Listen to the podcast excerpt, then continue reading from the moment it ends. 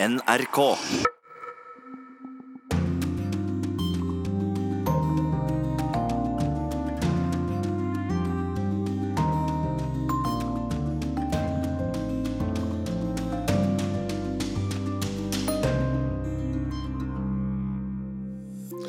Det er skjebnetime i Tyskland denne helg. Sosialdemokratene har ekstraordinært landsmøte. Skal de berge Angela Merkel? Skolejentene som ble kidnappet i Shibuk, har sendt verden en video. Vi har det bra hos Boko Haram, sier jentene. Er det fake news? IS-soldatene i Syria har rømt, blitt tatt og arrestert eller drept. Men konene deres, Cecil Wold, ga seg ut på leting og fant en enke på 18 år. Tenk om president Trump skal sitte i sju år til.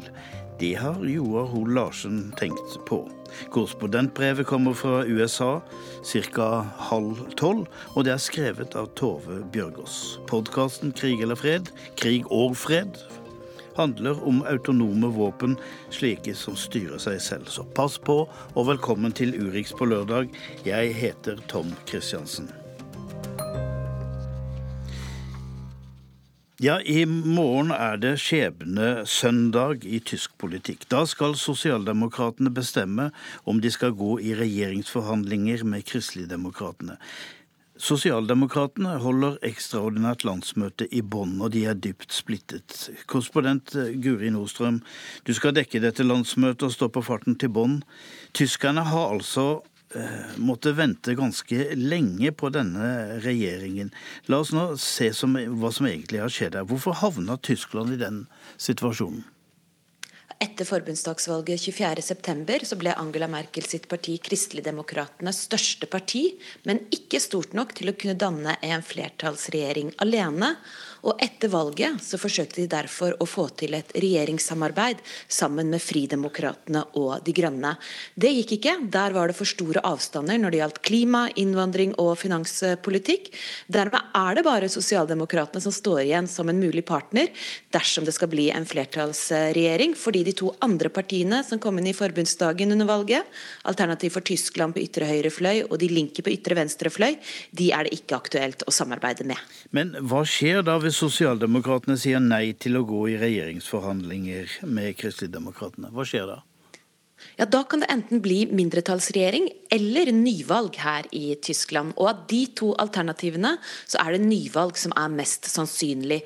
For Merkel har tidligere sagt at hun heller vil ha nyvalg enn å styre med en mindretallsregjering, fordi Europa trenger et sterkt Tyskland, og hun kan ikke styre særlig effektivt hvis hun hele tiden må gå tilbake til forbundsdagen for å få deres godkjenning på politikken som skal utføres både her hjemme og også i EU.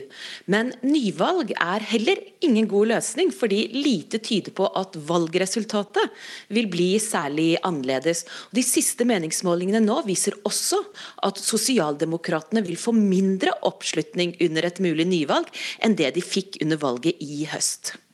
Ja, Man skulle jo kanskje tro at de fleste sosialdemokratene ville gå inn i regjering, men hvorfor er de så splitta?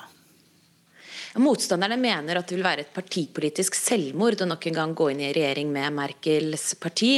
Eh, de gjorde sitt dårligste valg siden krigen, og de mener at mye av årsaken til dette er at de har havnet helt i skyggen av Merkel når de har vært i regjering med henne. De opplever det sånn at når noe har gått godt her i landet, så har Merkel fått all æren, men dersom noe ikke har gått så bra, så har de måttet være med å ta, delansvaret for det. Og I den foreløpige avtalen som da partiledelsen nå forhandlet frem med Kristeligdemokratene, Demokratene, så er det mange som mener at her er det ikke nok sosialdemokratisk politikk igjen. Eh, de reagerer bl.a. på at toppskatten ikke skal økes, at det skal innføres en øvre grense på hvor mange asylsøkere Tyskland skal ta imot i året, og at man ikke går inn for borgerforsikring, som har vært en viktig sosialdemokratisk sak. Og så er de også engstelige for at dersom de går inn i regjering, så blir det sterkt innvandringskritiske partiet, Alternativ for Tyskland, det største opposisjonspartiet i forbundsdagen. Men altså, dette er et ekstraordinært land, landsmøte. Kunne ikke bare partileder Scholz tatt den bestemmelsen, gått i forhandlinger, og så kunne han innkalt landsmøte etterpå når resultatet forelå? Det, grunnen til at han må ha denne avstemningen, er fordi han rett etter valget var utrolig tydelig på at partiet overhodet ikke skulle gå inn i en ny regjering med Kristeligdemokratene. Men når situasjonen har blitt som den har blitt, så er det ikke like lett for Scholz å, gå, å stå hardt på dette kravet om å gå i opposisjon. og Tidligere sosialdemokrat og nå president Frank-Walter Steinmeier han har presset på for å få partiet til å ta ansvar og gå i regjering. Men da for at Scholz, som tidligere har vært helt imot dette, ikke skal miste ansiktet helt, har han sagt at han må ha partiets fulle støtte i ryggen før det tas noen endelig avgjørelse. Og Det er det altså 600 partidelegater skal gjøre i Bonn i morgen. Takk skal du ha. Vi hører utover dagen hvordan det går i dag og i morgen når landsmøtet kommer sammen. Takk skal du ha.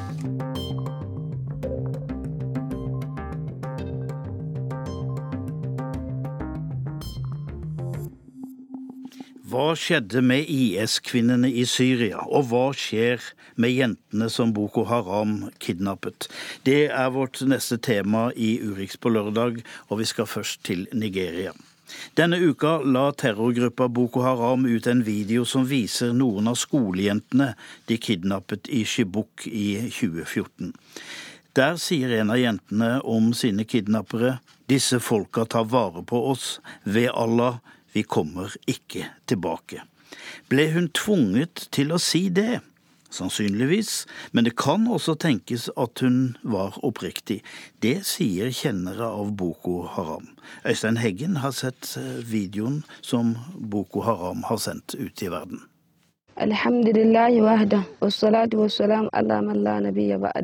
Dere har grått for oss, for at vi skal komme tilbake. Men det gjør vi ikke. Allah være lovet sier en av jentene på videoen som Boko Haram sendte ut søndag. En gruppe jenter sitter der, alvorlig vendt mot kameraet i heldekkende blå drakter. Noen har barn med seg, født i fangenskap. Boko Haram har siden 2009 prøvd å etablere en islamsk stat nordøst i Nigeria. I april 2014 kidnappet terrorgruppa 276 jenter fra en kostskole i byen Shibuk. Noen har klart å rømme, andre er satt fri etter forhandlinger men fortsatt er minst 100 i fangenskap. Så er det også noen av jentene som ønsker å bli der. NRK-journalist Ida Dalbakk, som nå studerer ved University of Cape Town, har i en oppgave kartlagt de ulike rollene jenter og kvinner har i Boko Haram. På et vis så var det overraskende at eh, flere som hadde blitt reddet, eh, ikke egentlig ønsket å forlate ektemannen i Boko Haram. Samtidig så forstår jeg hvorfor noen av kvinnene vil bli i terrorgruppen, fordi alternativet eh, ofte kan være mye verre. Når man har vært holdt fanget i flere år, så kan det være veldig vanskelig å tilpasse seg et liv i frihet. Å være gift med en høyt rangert Boko Haram-kriger og få nok mat og fine klær, for så å bli sendt tilbake til et liv i fattigdom. Secular education support and music. Boko Haram-leder Abu Bakar Shekau fordømmer sekulær utdanning som underviser i bl.a. sport og musikk, som tar barna bort fra islam. Og oversetter vi terrorgruppens navn, så blir det 'vestlig utdanning er synd'. Ida Dalbakk sier dette om jentenes åk i fangenskapet. De blir brukt til å vaske og lage mat. De holdes som sexslaver, trenes til å bli selvmordsbombere eller til å kjempe side om side med mannlige krigere. Og mange av disse jentene blir tvunget til å være i fangenskap, men det finnes også dem som faktisk frivillig velger å være en del av den islamistiske terrorgruppa. Boko Haram slo til igjen onsdag denne uka. To og to bærer menn i hver sin ende av sorte sekker. De er fylt med døde kropper, i byen Maiduguri. To selvmordsbombere, en mann og en kvinne, tok med seg mennesker i døden på en markedsplass. Politimester Damian Sjukvu blir intervjuet av Reuters.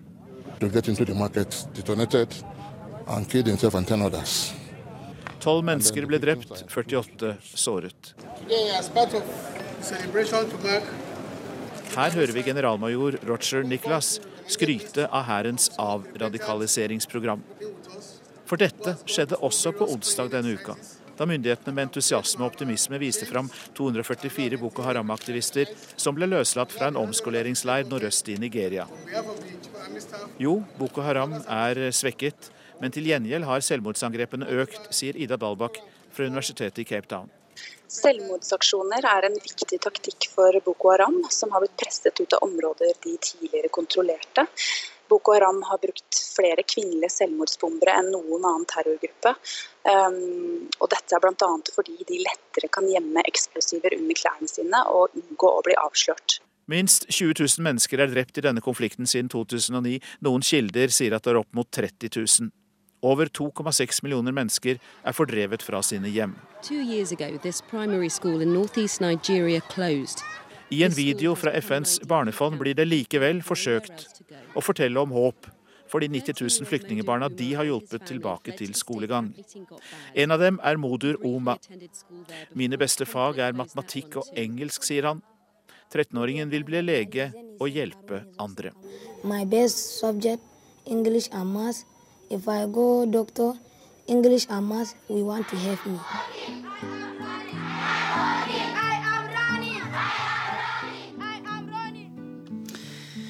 Hvor er det blitt av alle IS-krigerne? De er døde, de sitter i fengsel eller de har rømt. Men kvinnene deres, hvor er de? Korrespondent Sissel Wold har vært i det ødelagte Raqqa i Syria og lett etter dem. Og hun fant kvinnene i flyktningleiren Ain Issa noen kilometer nord for Raqqa. Vi skal møte en av dem, Dilvar. Da hun var 13 ble hun tvangsgiftet med en tyrkisk IS-kriger. Sist uke fylte hun 18. Nå har hun rukket å bli både mor og enke. Hun stilte seg rett ved siden av meg og betraktet oss nysgjerrig. Hun er en av ungene som alltid kommer bort til oss, tenkte jeg. Vi, fotograf Gunnar, tolken Mahmoud og jeg, var i flyktningleiren Ain Issa for å lete etter IS-kvinner. Flere av kvinnene gikk forbi oss, fullt tildekket med flagrende svarte heldekkende nikaber. Noen brukte også svarte hansker. Jenta ved siden av meg var en tenåring, ja, på rundt 15 år, tenkte jeg. Hvor er du fra? spurte jeg. Fra Aserbajdsjan, svarte hun litt frekt og litt barnslig. Det viste seg at hun var en av dem vi lette etter. En halv time senere Hun leker med sønnen sin i teltet sitt. Dilvar Mamadova er 17 år når vi treffer henne. Sønnen Ibrahim er tre. Hun ble mor da hun var 15 år gammel. Nå er hun teltets eneste voksenperson med ansvar for to søsken og en sønn. Hva er historien hennes? Pappa tok oss med hit til Syria. Jeg var bare 13 år og aner ikke hvorfor vi dro hit. Jeg hadde aldri hørt om IS eller Syria før. Men da vi kom hit, trodde IS-folkene at pappa var en russisk agent, så de drepte ham. Søsknene mine og jeg ble satt i fengsel, og jeg fikk valget mellom å bli værende i fengselet eller å gifte meg. Jeg valgte å gifte meg, forteller Dilbar. Da var hun 13 år. Mannen hennes var tyrkisk IS-kriger. Men ekteskapet ble bare et nytt fengsel. Han låste henne inne da han dro fra huset, og det gjorde han ofte. Han var ikke som noen ektemann. Annenhver måned kom han hjem på et par dagers besøk, og han hadde bare sex med meg, så det var ikke noe ekteskap. Jeg aner ikke hva han drev med ellers, sier hun. Da hun var 15 år, fødte hun sønnen Ibrahim. IS-mannen døde bare fire-fem måneder senere i et luftangrep. Etter at han døde, dro jeg med sønnen min til Madafa, sier hun. Madafa er et hus dit alle kvinnene måtte flytte etter at IS-mennene deres ble drept. Det var et hardt liv med mange kvinner fra mange forskjellige land. De var fra Europa, Marokko, Algerie, og det var masse barn der, og masse bråk. Damen som var sjefen, maste på meg hele tiden. Gjør rent, lag mat, gjør ditt og gjør datt, forteller Dilvar, som mistrivdes i kollektivet. Etter fire måneder måtte de ut. Da måtte de gifte seg med en ny IS-kriger. Hver dag kom mange menn til Madafa for å se på oss. De kom for å velge seg koner. De sa 'jeg vil gifte meg med denne eller denne kvinnen'. gestikulerer den aserbajdsjanske tenåringsjenta. Hun var redd IS og tenkte på å rømme, men hun turte ikke av frykt for at de ville drepe både henne og sønnen. Men hva tenker hun om livet fremover nå, spør vi. Jeg aner ingenting. Ingenting. Dilvar gjentar flere ganger at hun ikke er Daesh. Hun kom ikke til Syria frivillig. Hun var bare 13 år og visste ingenting om noe her. Nå er hun bare glad IS er nedkjempet. Aller helst vil hun hjem til Aserbajdsjan, men vet ikke hvordan hun skal komme seg dit. Eller om hjemlandet vil ta imot en som har vært en del av den islamske staten, frivillig eller ikke. I Ein Issa-leiren, et par timers kjøring nord for Raqqa, er det fullt av folk overalt. Barn leker mellom rekken av hvite telt. Voksne menn røyker og prater. Kvinner henger opp nyvasket tøy på snorer. De har alle, nesten alle, rømt fra IS' skrekkregime. Og i denne leiren er ikke IS-enkene mye populære. Alle hater oss her, sier enken på 17 år. Men mange av IS-kvinnene tror fremdeles på IS sine tanker, og dem krangler jeg også med, sukker hun. IS har ingenting med islam å gjøre. IS er ikke å drepe, halshugge, ødelegge hus og byer, mener Dilwar. Men hva skjer med IS-barna, de som er sønner og døtre av IS-krigere og deres sexslaver? Han er sønn av en IS-kriger, men han er likevel min sønn.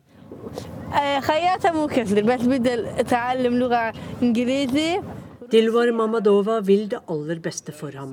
Planen hennes er å lære seg engelsk og russisk, og så skal hun lære seg å sy. Da kan hun forsørge seg og Ibrahim. Men når de kan flytte fra det hvite og blå teltet, og til hvor, ja, det aner hun ikke. Jeg vet ingenting om fremtiden, sukker hun. Ingenting.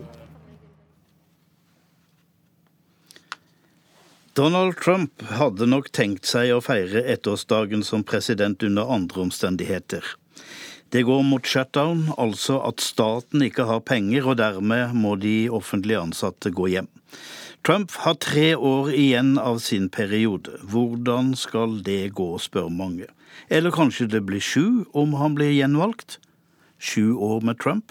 En våt drøm for noen, et mareritt for noen flere. Vår tidligere USA-korrespondent Joar Hoel Larsen har kastet et skrått blikk på denne muligheten. Amerikanske presidenter velges for fire år om gangen, og ifølge Grunnloven har de anledning til å ta gjenvalg én gang. Totalt sett kan altså en president sitte i åtte år. Derfor er det helt naturlig på en dag som denne å se litt på sannsynligheten for hvor lenge Donald Trump kommer til å sitte. Og husk, de tre foregående presidentene, Barack Obama, George W. Bush og Bill Clinton, de satt alle i åtte år. Presidenter som søker gjenvalg etter en periode, blir, i hvert fall fra 90-tallet og frem til nå, gjerne gjenvalgt. Så hver og en av dere kan enten glede eller grue dere til, muligens, syv år til med Trump. Og statistikken er altså på hans side. De som håper og tror at han vil bli stilt for riksrett og fradømt embetet pga. Russland-forbindelsene, bør i beste fall smøre seg med tålmodighet. Veien frem er svært kronglete, for å si det mildt. Det holder ikke å mislike det han har gjort eller det han står for. En riksrettssak krever solide bevis for at han har gjort noe ulovlig, samt at tilstrekkelig mange partifeller i Kongressen og Det hvite hus stemmer for at han skal miste sitt embete. Og til orientering, noe tilsvarende har ikke skjedd i USAs snart 250-årige historie. Så der er også statistikken på presidentens side. De som satser på det 25. grunnlovstillegget om presidentens egnethet, altså at Trump ikke er psykisk skikket til å være president, de bør nok også dempe forventningene en smule.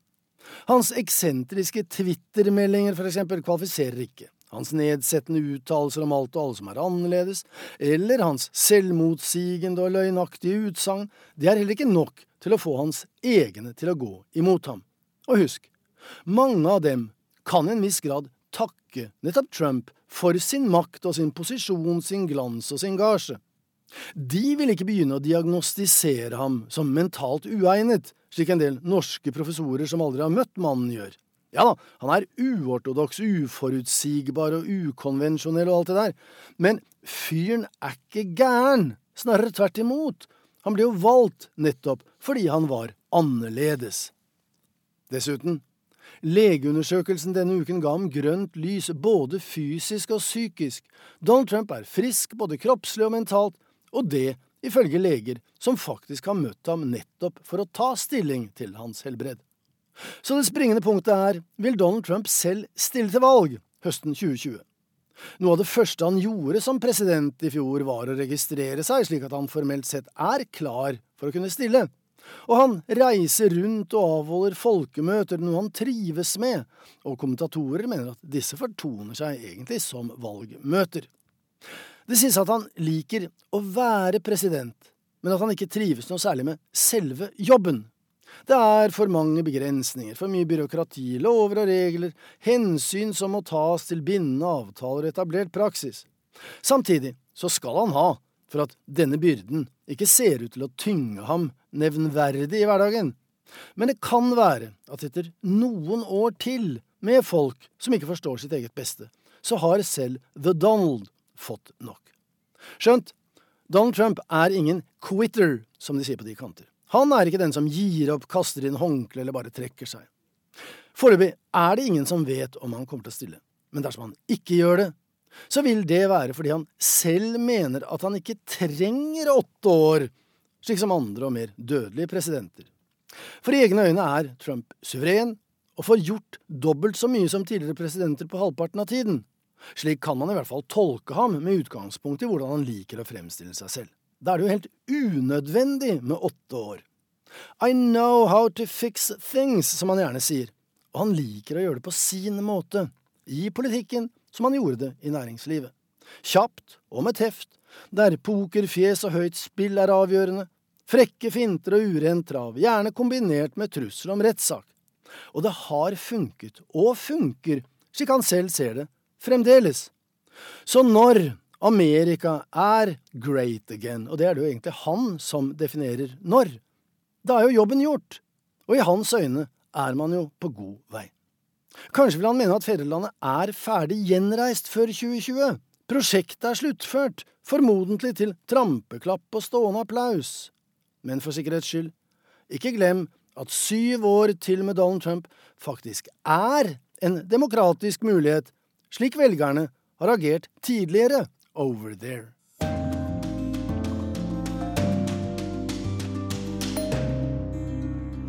Folk i Venezuela spør seg om landet har forfalt til et diktatur.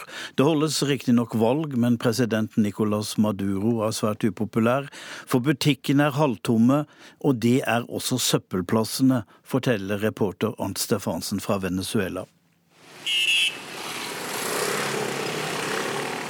Han står oppi en diger søppelcontainer og enser ikke trafikken som stryker tett forbi. Den 31 år gamle Osmilde Quintana jobber så svetten siler for å finne noe spiselig i søppelsekkene. Men det er alt annet enn lett. For folk her i det dypt kriserammede Venezuela kaster fra seg stadig mindre og det merkes godt for en som lever av andres søppel her i hovedstaden Caracas. Det er et fryktelig liv, og jeg ser ingen fremtid.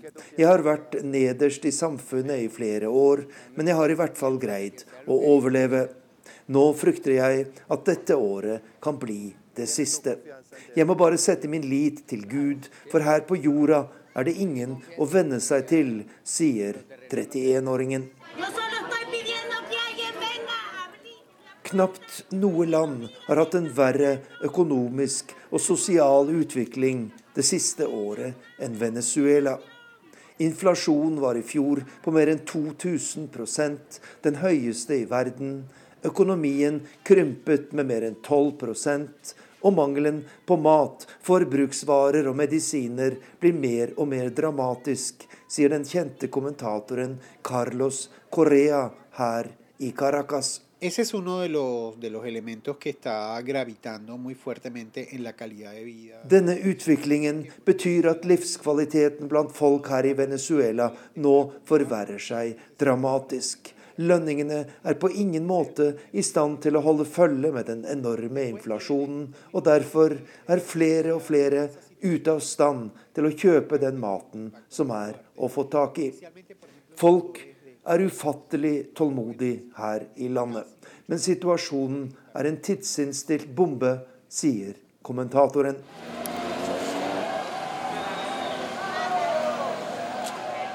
Intet syn er nå mer typisk her i den venezuelanske hovedstaden enn køer.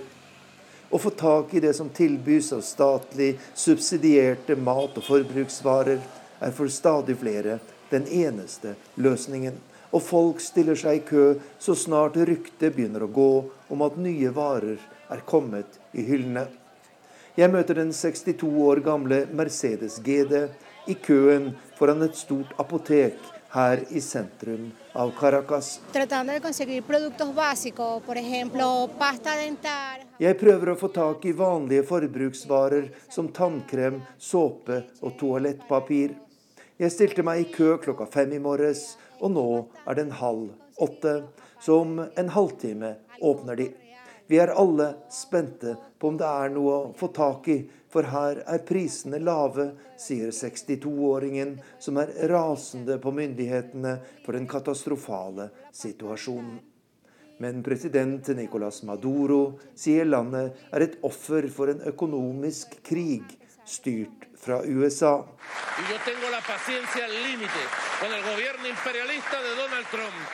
Jeg har nå liten tålmodighet med den imperialistiske regjeringen til Donald Trump, sier presidenten til kraftig applaus fra sine tilhengere. Jeg vil ikke lenger tolerere det som dette aggressive imperiet driver med, sier Nicolas Maduro, uten å gi noen forklaring på USAs rolle i den venezuelanske krisa. Og knapt noen kjenner av Venezuela ser en slik sammenheng.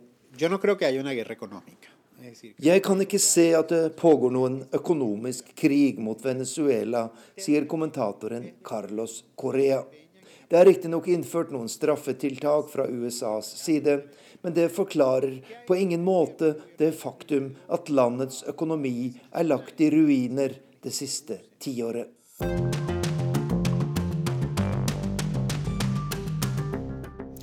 Korrespondentbrevet kommer fra USA. Tove Bjørgaas forteller om alt som har blitt annerledes det siste året. Men hva er ekte, og hva er fake? Det er julaften. Snøfnuggene virvler mot frontruta og gjør det umulig å ha på langlysene.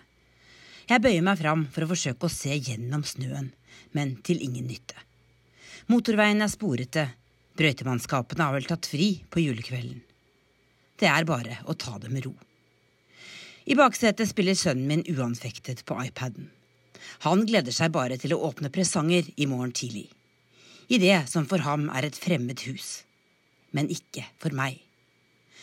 Det er faktisk godt å ha vanskelige kjøreforhold å konsentrere seg om. Det gir sommerfuglene i magen noe annet å jobbe med. Det er litt sånne vonde sommerfugler, for jeg har dårlig samvittighet. Og jeg sitter her på en motorvei i Ohio på julekvelden for å bøte på den.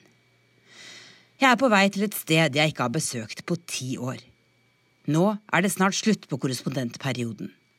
Det er på en måte siste sjanse til å ta seg sammen, har jeg tenkt. Jeg har blitt snobbete og privilegert. Kan reise hvor jeg vil i USA, og til og med få lønn for det. Derfor har jeg holdt meg unna dem som introduserte meg til dette samfunnet, og egentlig vekket hele den intense interessen min for USA. I stedet har jeg reist til Los Angeles når jeg har hatt fri, for å drikke lokal vin på dyre restauranter med utsikt over Stillehavet. Til Vermont for å stå på ski, eller til New York for å gå på kunstmuseum og diskutere kultur og politikk med likesinnede. Dette siste hyperpolariserte året i amerikansk historie har mange snakket om kystelitene. De som bor i Washington og New York og San Francisco. De som tjener godt nok til å bo i de dyre forstedene med gode skoler, bruker 50 dollar på Starbucks i uka, slik som jeg gjør, og er med i lesesirkler med de høyt utdannede vennene sine, der de det siste året har lest antropologiske bøker om sine uopplyste landsmenn, og om hvordan det er å vokse opp på bygda i Kentucky. Jeg har prøvd å se også kystelitene fra utsiden, men jeg vet jo innerst inne at jeg står nærmere dem.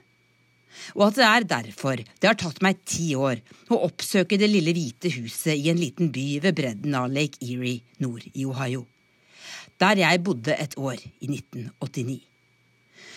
Men nå er jeg altså på vei dit. Mens den våte snøen dekker stadig mer av veibanen, tenker jeg på det spesielle året som er gått, og på hva som egentlig betyr noe. Det gjør en jo gjerne når det er jul. Det siste året har mye handlet om det som ikke er ekte her i landet. Fake er et ord vi har hørt så mye at vi har begynt å bruke det på norsk. President Trump har messet om fake news, mens kritikerne hans har kalt ham en fake president. Redaktøren for det progressive nettstedet Salon mener Donald Trump er selve symbolet på det som er uekte med USA. Et produkt av den digitale kokongen Twitter og andre sosiale medier har skapt. En kapitalist som egentlig ikke skaper noe folk har bruk for. Andre igjen mener at amerikanere flest er uekte, nettopp fordi de ikke lenger forholder seg til virkeligheten. Kystelitene lever i sin boble og visste så lite om det som foregikk på grasrota midt i landet sitt, at de tok det for gitt at demokratene ville vinne alle presidentvalg fra nå av. De hvite arbeiderklassevelgerne som stemte fram Trump, lever i en fake verden fordi de drømmer om et USA som ikke lenger eksisterer, og som aldri vil komme tilbake. De vil bo i sine besteforeldres USA, der det var ekte kirsebær på toppen av milkshaken, og der folk hadde gode og trygge industrijobber. Redaktøren i Salan, som heter Andrew O'Hare, mener rett og slett at USA er blitt et uekte land. Et samfunn som ligner stadig mer på det i science fiction-filmen The Matrix, der hovedpersonen i Keanu Reeves' skikkelse på et tidspunkt får valget mellom en rød og en blå pille.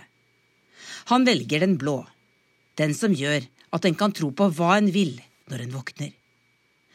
Amerikanere tok den blå pillen i 2016. Så sterk er desperasjonen, mener O'Hare. Og etter et år med Twitter-tirader og et heseblesende nyhetshjul som mest av alt spinner rundt uten at det egentlig skjer så mye, føles det fristende å kjøpe teorien om den blå pillen. Det er blitt helt mørkt når jeg endelig kan ta av fra motorveien. Det er tomt og stille, nesten øde langs gatene her. Den store parkeringsplassen foran kjøpesenteret der jeg pleide å møte venner da jeg gikk på videregående her for å gå på kino, snør igjen. Bygningene står der som tomme, gapende skall. Alt det som var her, er nedlagt. Men folk har julelys i alle farger utenfor husene sine, og fyr på peisen. Inne venter barna på å legge seg, slik at nissen kan komme og fylle julestrømper og legge gaver under treet. Jeg kjenner igjen flere av husene. Men bensinstasjonen er borte, og pizzarestauranten er heller ikke der lenger. Til slutt svinger jeg inn i den nymokkede oppkjørselen til det lille hvite huset jeg kjenner så godt. Snart forsvinner klumpen i magen. Gjensynsgleden er så stor. Klemmene er så lange. Det brune kjøkkenet med stripete tapet er akkurat slik jeg husker det. Jeg vet hvor glass og tallerkener er, og hva som finnes i kjøleskapet. Det er 28 år siden jeg bodde her, men det er som det ikke har gått en dag. Det grønne vegg-til-vegg-teppet på badet føles trygt og behagelig. Det må være utrolig slitesterkt. Mine vertsforeldre, som nå er i midten av 70-årene og bor i det samme lille huset hennes foreldre bygde i 1907, er som før. De spør om reisene mine og forteller om hverdagen. De er pensjonister nå. De lange arbeidsdagene er over. Men arbeidsplassene her er blitt enda færre, og en må kjøre stadig lenger for å handle, fylle bensin eller gå til tannlegen. I tillegg har kriminaliteten økt, sier de. Her i Ohio kan man få tillatelse til å bære skjult våpen. Og det har de fleste skaffet seg, virker det som. Jeg merker at jeg har grudd meg til å komme hit fordi jeg ikke vil diskutere politikk og kulturforskjeller.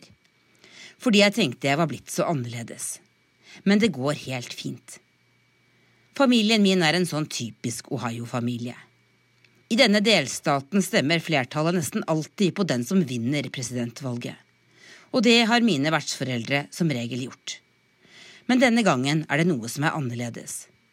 Jeg spør ikke direkte om de stemte på Trump, men jeg får et inntrykk av at de kanskje ikke stemte i det hele tatt for et drøyt år siden. At de også synes USA var blitt for fake. At verken Trump eller Clinton sto for noe de kunne identifisere seg med og tro på. De snakker om at Trump er upatriotisk og utroverdig. At han er fake. Neste morgen åpner vi julegaver. Jeg får slike ting en egentlig ønsker seg. En varm flanellpysjamas. Et fleecepledd til å ha over skuldrene når det er kaldt. Og 100 dollar til å kjøpe noe jeg har lyst på. Utenfor snør det en hel meter i løpet av første juledag. Vi ser verken på Fox eller CNN. Vi ser på den lokale værmeldingen isteden. Og vertsfaren min og jeg måker oppkjørselen annenhver time. Det føles godt å kjenne snøen piske en i ansiktet. Det kjennes ekte. Dette korrespondentbrevet skulle egentlig handle om mitt år med Donald Trump. Om hvordan det har vært å dekke den mest uortodokse presidenten i amerikansk historie. Og på en måte har det vel handlet om det. For det er de store spørsmålene som står igjen for meg på denne ettårsdagen for innsettelsen hans. Hva er sant? Hvordan ser virkeligheten egentlig ut? Og hva er ekte? Det siste fikk jeg i alle fall et svar på denne jula.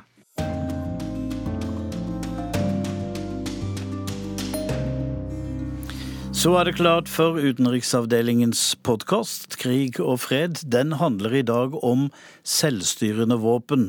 De er ikke å spøke med. Her er Sigurd Falkenberg Mikkelsen. Skrittene våre ga gjenklang i de tomme, mørke og stille gatene. Over oss hørte vi summingen fra israelske droner. Et sted på den andre siden av grensen satt israelske soldater og fulgte oss via kamera. Vi var fire mann på vei gjennom de tomme gatene i beleirede Tyr sør i Libanon under krigen i 2006. Og vi var bare et tastetrykk unna døden. Men hva hvis den dronen hadde styrt seg selv, og selv bestemt om den skulle skyte eller ikke? Ville vi da ha overlevd? Dette er ikke så langt unna virkeligheten som man kanskje skulle tro, for drapsrobotene kan revolusjonere krigføringen og verden slik vi kjenner den. Jeg var kanskje ikke den eneste som satt eh, kaffen i halsen da jeg så denne videoen før jul. En video av en robot som tok en backflip.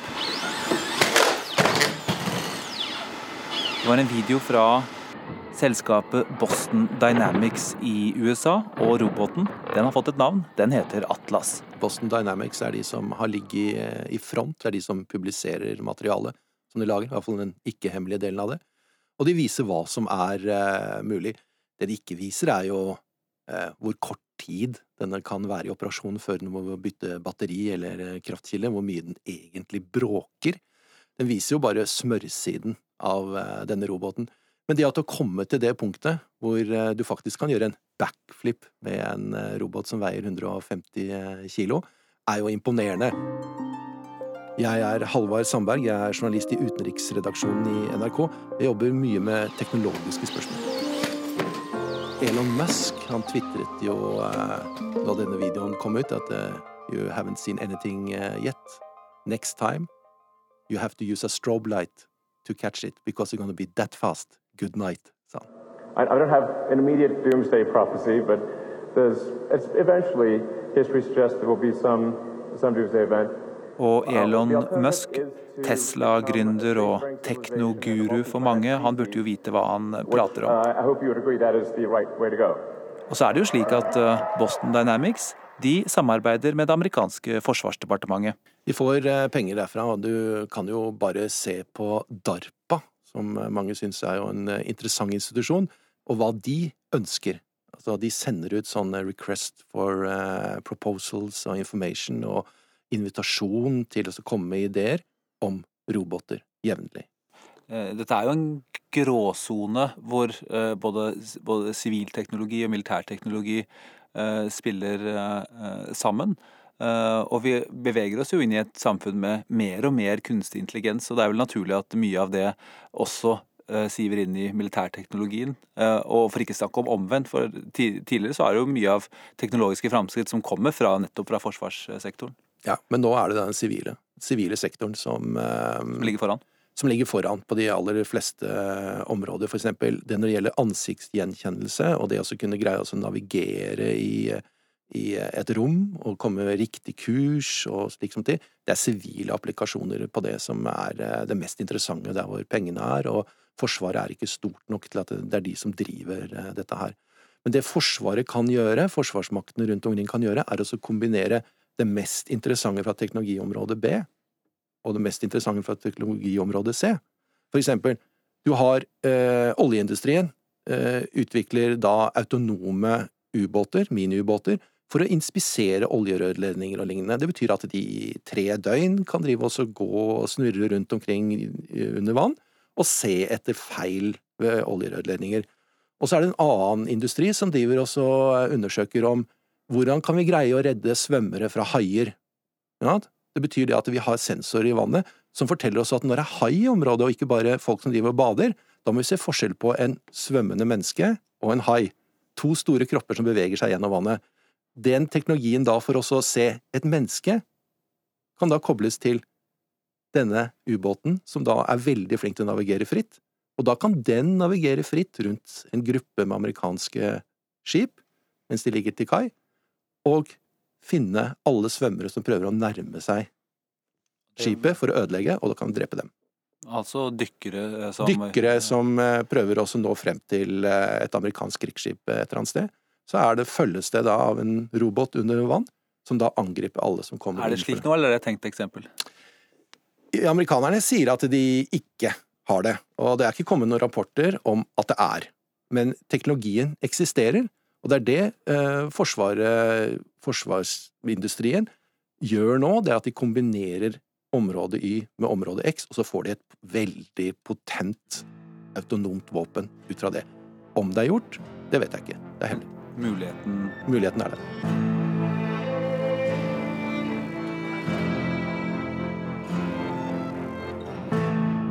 Veldig mange, særlig innenfor eh, filosofisk debatten, men også innen i FN f.eks., tenker at det er noe dypt og prinsipielt problematisk med å overlate beslutninger om liv og død til maskiner.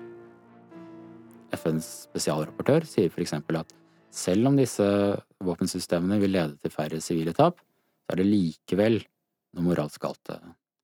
Jeg tror at argumentene for det, selv om de intuitivt virker plausible, ikke, ikke er så kjempe, kjempesterke. Men jeg tror det er enorm god grunn til å være bekymret over, over utviklingen likevel. Og det er på grunn av, av, mer elementære ting som at denne teknologien kan misbrukes. Den kan lede til et våpenkappløp. Vi setter i gang noen prosesser vi ikke helt, helt overskuer. Jeg heter uh, Andreas Brekke Karlsson. Jeg er sekretær for noe som heter Etisk råd for forsvarssektoren. Jeg er også forsker på filosofi eh, på et prosjekt som heter Concept Lab på Universitetet i, i Oslo. Du er eh, filosof og jobber med dette til daglig. Hvor står egentlig verden rent praktisk når det gjelder disse autonome våpnene, som de ofte kalles, eller da eh, selvstendig, denne selvstendige teknologien? Vi kan skille mellom forskjellige grader av autonomi. Så du har våpen som vi kaller Humans in the loop, det er droner som vi har, har i dag. Humans in the loop, det betyr at mennesker er en del av skal vi si, kretsløpet? Det, ja, det ikke bare en del av kretsløpet, men det er også at det er mennesker som selv som sitter og trykker på knappen, som bestemmer om, om man skal skyte der eller der. Eh. Så er det det man kaller semiautonome våpen. Det er uh, humans on the loop. Da vil systemet selv ha evnen til å til å ta beslutningen om å avfyre eller ikke. Eh, Israel har et sånn antimissilsystem som heter Iron Dome, som, som selv kan bestemme seg for å skyte ned uh, raketter, f.eks. A single launcher protects the area of a medium-sized city or strategic installations. The system can protect stationary or mobile forces against short and medium-range threats. Men der er det, har mennesket en sjanse til til å gripe inn. Følger prosessen hele tiden, overvåker maskinens beslutninger og kan stoppe, kan stoppe det. Uh, så har du humans out of the loop, uh, hvor maskiner selv uh, kan lokalisere et mål, selv tar beslutningen om å gripe inn, uten at mennesker overvåker prosessen. Det, det har vi ikke i dag. Men, men, mange tenker seg at innen 2030, for eksempel, så vil, vil denne teknologien være i bruk. Og det er vel i dette siste her at både mulighetene og fantasien vår løper løpsk. Elon Musk, eh, sammen med flere andre vitenskapsmenn og teknologieksperter, blant dem Stephen Hawking, han sendte jo et eh, åpent brev i fjor hvor de tok til orde for å forby kunstig intelligens i kombinasjon med da våpenteknologi. Eh, det er jo her vi snakker om disse drapsrobotene. Skjer det noe på den fronten, f.eks. i FN? Det pågår en debatt i noe som heter CCW, et FN-organ. FN Eh, Convention on Certain Conventional Weapons, hvor det er en, er en debatt om å forby utviklingen av, av, denne type våpen. Så langt tror jeg 22 land har signert eh, oppropet om, om, å forby, men, men, det virker ikke som de store aktørene er, er villige til å, til å forby, forby utviklingen. Nei, Her merker man kampene først og fremst eh, pga. bombenedslagene i åssiden bak her. Eh, overflyvning av jagerfly og også et kamphelikopter for eksempel, som hang utenfor kystlinjene her for eh, ti minutters tid. Sommeren 2006 dekket jeg krigen mellom Israel og Hizbollah. Og dagen før krigen skulle slutte, vi visste det var inngått en våpenhvileavtale, men dagen før det så endte jeg opp sammen med noen kollegaer mutters alene i Tyr. Vi hadde feilberegnet situasjonen litt, og plutselig var det bare oss som gikk alene i denne byen. Det var helt mørkt, det var ingen andre enn oss. Og over oss hørte jeg summingen fra den israelske dronen, som jeg antar fulgte oss, og jeg visste da også at det satt noen i Israel som fulgte med på våre bevegelser, og at ett tastetrykk var nok til å ta livet av oss. Men jeg føler fortsatt det tryggere enn om det hadde vært en drone som var autonom, eller som selv bestemte om den skulle drepe oss eller ikke. Eh, hvorfor tror du det er sånn? Jeg tenker Skal det være etisk å bruke disse, disse maskinene, så må vi, må vi, gjøre en vurdering da, om gjør den flere feil enn en mennesker over, over tid. Um, så, og hvis den, hvis den gjør flere feil, så skal vi ikke bruke den. Ehm, så hvis vi tenker oss et best case scenario for bruk av denne, denne type teknologi, så, så kan du iallfall rasjonelt sett da, ha vissheten om at statistisk sett så, så har du en større sjanse som sivil eller som uskyldig til å overleve enn en hvis en menneskelig operatør eller en menneskelig jagflypilot eh, hadde, hadde hatt, hatt, hatt den beslutningen. Psykologisk sett så tror jeg jeg er enig i at, at det, er noe, det er noe ubehagelig med den bevisstheten om at det, det, er en maskin som sitter på den, på den andre, andre, siden. Men, men, rent rasjonelt sett så, så tror jeg uh, i et sånt scenario at, at, vi tross alt kan betrygge oss med, med det. Da. Jeg kom til å tenke på dette med førerløse biler, for der er det et dilemma som ofte uh, tas frem, nemlig skal en bil i en gitt situasjon krasje inn i en murvegg og drepe sjåføren, eller velge å ramme en eh, skolebuss og kanskje drepe ti barn. Dette blir jo en problemstilling som blir enda spissere eh, når det er snakk om våpenroboter eller autonome våpen. Hva tenker du om dette? For at disse våpnene skal faktisk være lovlige, så er det bred enighet om at de må, må følge de prinsippene vi allerede har i krigens folkerett. Så de må ha kapasiteten til å kunne skille mellom sivile og stridende, og kapasiteten til å gjøre proporsjonalitetsvurderinger. Så der har vi allerede et, et, et sett med allmenn aksepterte regler. Selv om, selv om folk forbryter seg mot dem hele tiden, så er dette et sett med allmenn aksepterte regler. Når det gjelder spørsmålet om autonome biler skal kjøre inn i en skoleklasse eller ta livet av, bilisten selv, så, så, er det ikke et sett med allmenn aksepterte regler der. Så øh, det er spørsmål som etikere har jobbet med i veldig intenst de siste 30 årene, så, så det er en viss sånn entusiasme blant, blant etikere nå. At det veldig overraskende viser seg at de type dilemmaene de har jobbet med, plutselig har blitt veldig, veldig relevante. Filosofenes gjeninntreden i, i ja, samfunnsdebatten og Rett og slett.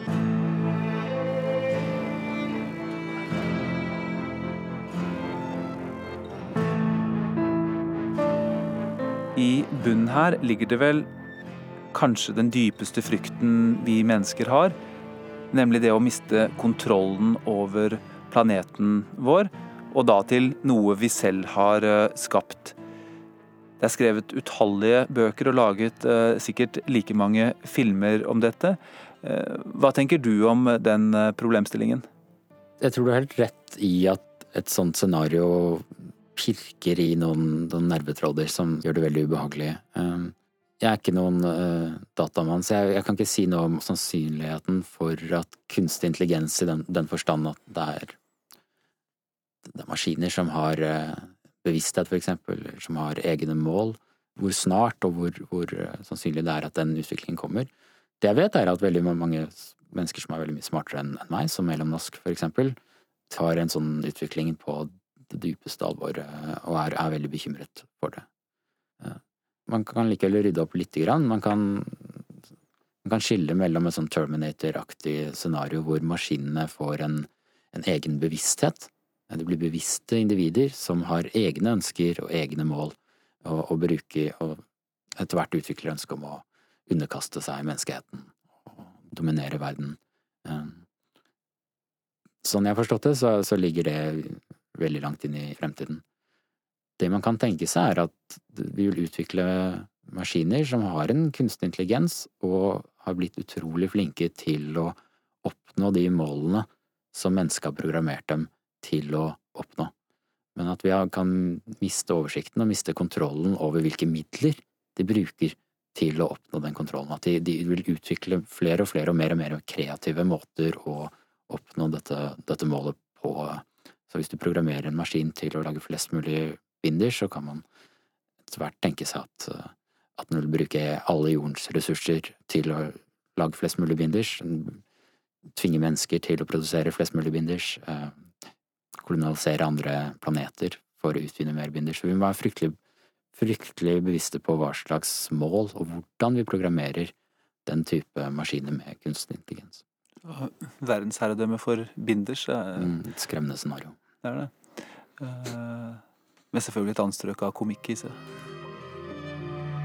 Våpenteknologi har til alle tider påvirket rikers eh, vekst og fall og maktspillet her i verden. Og Halvard Sandberg, hvordan ser du for deg at eh, denne nye våpenteknologien kommer til å påvirke forholdene mellom land og eh, de maktblokkene som nå finnes? Det blir sagt det at roboter i, eh, til sammenligning med kjernefysiske våpen er jo mye rimeligere og mye enklere å tilnærme seg. At den teknologien er enklere å tilnærme seg, slik at det, det er eh, lett for alle stridende parter å få slike våpen. For roboter? For roboter. Ja. Men det er ikke det. Altså, de, de, som først vil bruke det, er jo de som utforsker robotteknologi nå. Og det er de store militærmaktene. Kina, Russland, eh, USA er de store innenfor dette her. De vil først bruke det, og de vil bruke det der de fører krig nå, hvilket er mot motstandere som ikke har stor økonomisk makt. Eh, den tenkbare tredje eller fjerde verdenskrigen hvor det er robothærer som møter hverandre, det ligger veldig langt eh, frem i tid. Det som er det nærmeste, er at roboter blir sendt inn i hus i Afrika for å finne folk de allerede har tatt bilde av tidligere, så de vet skal være et eller annet sted i den landsbyen. Det er det nærmeste. Og det er også eh, litt av tankegangen med dette her, er eh, at amerikanske liv vil bli spart ved at vi sender en robot ut på gaten i den og den byen et eller annet sted, og som da kanskje blir beskutt og blir ødelagt, men da er det ikke et menneske som blir drept. Men den roboten skal jo da drepe andre mennesker. Vi har jo spekulert en del her, og det gjøres ofte når man snakker om eh, disse tingene. For vi er jo i en situasjon med utrolig mange muligheter, men også veldig mange usikkerheter. Vi er inne i en eh, periode nå som eh, de som kjenner teknologiutvikling kaller en S-kurve. Vi er inne i den eh, flate begynnelsen nede på S-en, og så skal vi når vi den veldig raskt stigende liksom sånn der nakken på S-en, og så skal dette flate ut med toppen av S-en, S-kurven i teknologiutvikling. Og vi er ikke der hvor det går veldig, veldig raskt oppover. Vi er nå samler masse, masse, masse små biter som er teknologisk mulig, og det vil gi oss en videre utvikling, og vi vet hvor det skal hen, og den teknologiske utviklingen er på vei der. Vi når den derre hurtige, eksploderende nakken på S-en. Den vil vi nå, men vi er ikke der nå. Men alt er lagt til grunn med den teknologien vi har nå. AI-systemer, datakraft, små sensorer, eh, finmekanikk, eh, avanserte våpensystemer som da bare må kobles sammen, og så har vi autonome våpen. Det var ukens podkast, og dermed er Urix på lørdag over. Teknisk ansvarlig var Marianne Myrhol. Produsent Hans Christian Eide. Jeg heter Tom Christiansen.